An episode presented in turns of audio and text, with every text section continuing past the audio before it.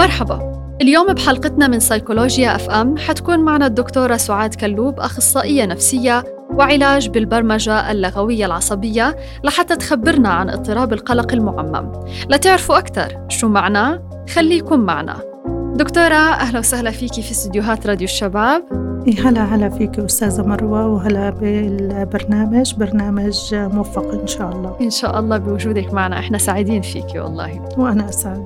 دكتورة بالبداية لو تخبرينا شو معنى اضطراب القلق المعمم؟ اضطراب القلق المعمم هو آه تطور غير طبيعي لاضطراب القلق العام. بمعنى إنه الشخصية بتكون تعرضت لموقف آه، في قلق شديد آه، ترتب عليه تبعاته التفكير المستمر اللي هو اوفر آه، صار بعد هيك إنه هذا التفكير مصاحب وملازم للشخص وبيعممه على جميع مراحل حياته. بمعنى إنه ما فصل التجربة اللي صار فيها الصدمة أو القلق أو الشيء عن التجارب والحياة اليومية بشكل عام.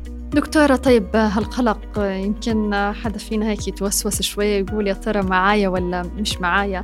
وتخبرينا شو أعراضه وأسبابه. إيه يعني هو أنا بدي أنوه بشغلة مهمة جدا إنه مش معنى الإنسان الطبيعي إنه هو إيه يشوف إنه عنده عرض من الأعراض إنه يحكم على حاله أو يحكم على الآخرين مباشرة إنه هو مصاب أو مريض أو مضطرب نفسيا.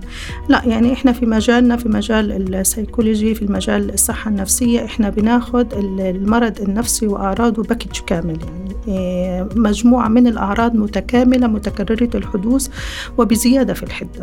هلا وقتها بنصير إن إحنا نقول هذا مصاب أو مضطرب نفسيا. لهيك مش كل إنسان إنه بده يسمع إيه إنه أنا عندي عرض أو أنا قلقان شوي خلص معناته أنا عندي اضطراب أو حتى كمان يحكم على الآخرين إنه هو مصاب بهذا شو يتعامل معه على إنه مريض نفسي لإنه هلأ صار كمان في إيه شوية إيه خلط ما بين الأمور النفسية. دائما على طول بيقول لك هذا مريض نفسي هذا إيه غير طبيعي نفسيا.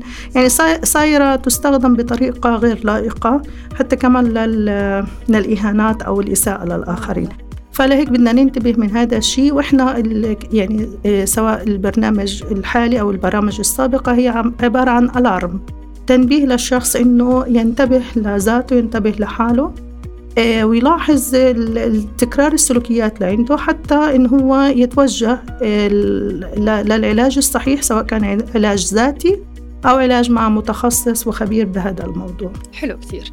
نرجع لنقطتنا الأعراض والأسباب. نوضحها أكثر للناس لحتى تكون عارفة أو تلاحظ نفسها. إيه، يمكن إحنا أنا هبلش بالأعراض النفسية إيه، بعديها بالجسدية. يعني الأمراض النفسية إنه أول شيء هو بيكون عنده إيه، يعني زيادة في التفكير بهذا الشيء وباتجاه التفكير السلبي يعني بتوقع السلبيات أكثر ما بيتوقع الإيجابيات من الحدث أو من السلوك. دائما بتكون عنده رؤية مستقبلية متشائمة إيه كمان عدم تركيز عدم وعي النسيان المتكرر. بس هون بدي يعني أنوه لشغلة إنه في بعض الأشخاص آه، يعني بت يعني بتستخدم موضوع النسيان بعد هيك ميكانيزم دفاع لتتخلص من بعض المشاكل. يعني دائما أنا نسيت بنسى أشياء زي هيك. فهذه بتكون شخصيات شوية يعني بدها توجيه. آه، عدم التركيز كمان في آه، عدم التطور الفكري. يعني بيضل متمركز حول موضوع القلق. يعني إذا كان هو قلقان يعني إحنا لو بدنا ناخذ موضوع الكورونا مثلا على سبيل المثال هو خلص ضل متمركز حوالين إنه العدوى. آه، خطر العدوى خطر العدوى. هو متمركز وقلق تجاه هذا الشيء.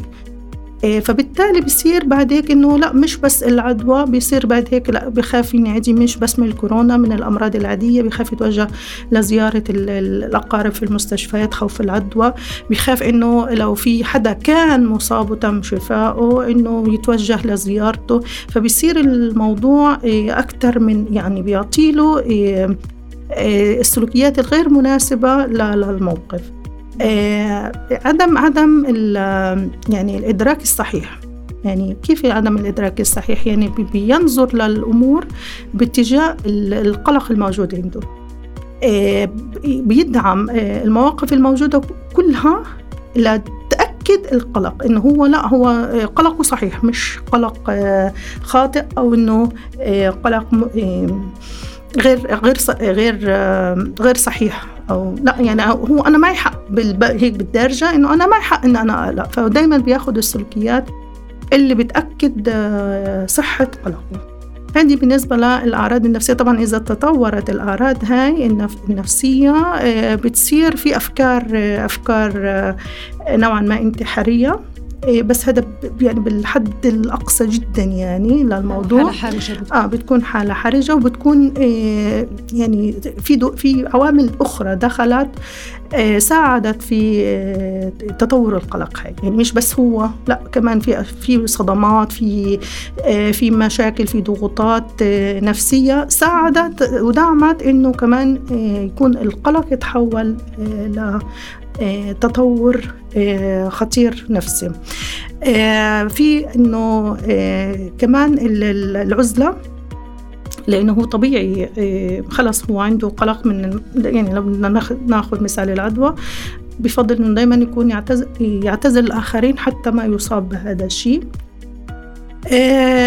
كمان الاكتئاب لأنه العزلة العزلة الغير صحية. بتؤدي للاكتئاب وبدنا نفرق ما بين العزلة الإنسان مش بيعتزل الإنسان بي يعني بيكون مجهول. فهو بيكون طبيعة عمله إنه يكون هو بيتطلب إنه يكون لحاله. غير العزلة العادية لأنه في أنا صرت أسمع كتير أشخاص يعني بيقول لك هذا صار منعزل عن الآخرين. لا هو طبيعة عمله مثلا مع الكمبيوتر. فهو إيه، طبيعته إنه هو يكون هو الكمبيوتر بغرفته عم هذا عمله يعني. هو مش عزلة. هلا مش عزله بس عشان هيك إحنا لازم نهتم. إيه عشان هيك يعني ضرورة ضرورة قصوى إنه يكون في عملية اهتمام بالتوعية بالمصطلحات النفسية لأنه صارت هلأ تدرج بعض المصطلحات النفسية وتتهم بها الآخرين على إنها أشياء نفسية وهي لا يعني هي طبيعية. ففي عزلة آه، طبيعة آه، طبيعة عمل وطبيعة مهنة وفي عزلة اللي هي اللي إحنا بنحكي عليها العزلة العزلة المرضية خوفا من العدوى والمرض أو خوفا من آه، حدوث مشاكل ما. آه، هل كمان في إحنا ممكن يتطور الوضع مع القلق المعمم إلى الوساوس الأفكار الوسواسية. لأنه طول الوقت هو عنده فكرة مسيطرة يعني إنه هذا الشيء آه، رح يجي من وراء خطر رح يكون عنصر مدمر لجزء من حياتي فبالتالي بتتطور الأفكار هاي وبصير أفكار وسواسية. طبعا هذا كله في حال إذا تم الاستسلام لهذا القلق ولم يتم معالجته. لهيك إحنا حتى بنلاحظ إحنا في آه، أثناء الحرب إنه استجابتنا لل, لل... وردود أفعالنا للحرب بتختلف. في شخصيات بتهستر يعني في شخصيات بتهستر تجاه الصاروخ آه، اللي هو ضرب في منطقة بالشمال وهي بتكون في الجنوب. يعني في فعلا هذا الشيء. هي الخطر بعيد جدا عندها. آه، ولكن هي بالقلق تاعها المبالغ فيه بتأثر على المحيط اللي حواليها بتأثر على أطفالها ولهيك إحنا ممكن نقدر نقول إن هي ممكن تكون القلق المعمم سلوك مكتسب كمان لأفراد الأسرة. يعني ممكن تكون الأم مصابة بهذا الشيء وتنقله لأطفالها فبنلاقي إن هو في شخص قلوق وكمان آه، أسرته آه، بيعانوا من هذا الشيء. فعلا مشاعر تنتقل. إيه تنتقل. طبعا في هي الأعراض الجسدية وهذه بدنا ننتبه أن الأعراض الجسدية ممكن تكون من بسبب عضوي ولكن إحنا بدنا لما نتأكد إنه ما في سبب عضوي لحدوث هذه الأعراض الجسدية ومصاحبة للقلق المعمم هلأ بنحكم إن هي أعراض نفس جسدية اللي هي سايكوسوماتيك الناتجه عن القلق المعمم. إيه، زي الشعور بالمغص الشديد إيه، الصداع الشديد صعب معالجته برغم أخذ المسكنات.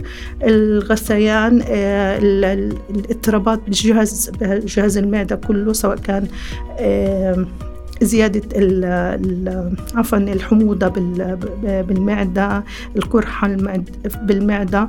الجهاز القولون العصبي. كمان اضطرابات القولون العصبي طبعا بأعراضه كلها. هذا إذا إحنا تأكدنا إنه ما في بسبب عضوي وموجود هذا القلق المعمم والاثنين مصاحبين لهذا الشيء.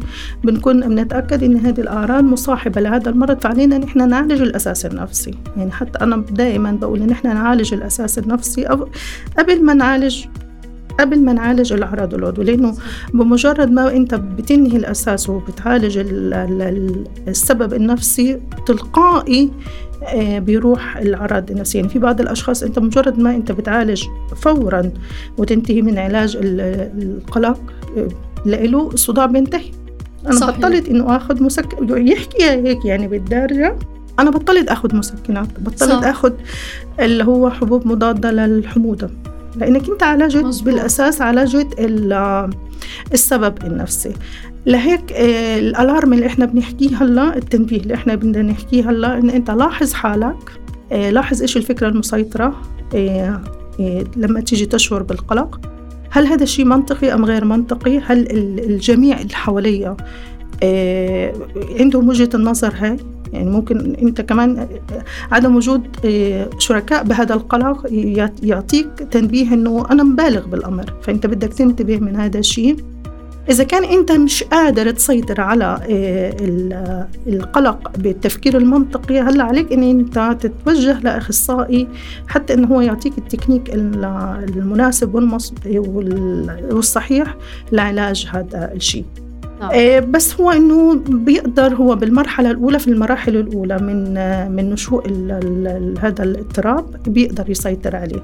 لهيك دائما دائما أنا هذه النصيحة اللي بوجهها للجميع. آه، ملاحظة الذات مهمة جدا. يعني إن الإنسان يكون دائما أبزرف لنفسه يكون ملاحظ صح. لذاته. أنا اليوم أنا صار بقالي أسبوع أنا حاسس إن أنا تفكير زائد أنا تفكير قلق أنا عندي صار في شيء فكرة قاهرة بت بت مؤثرة علي.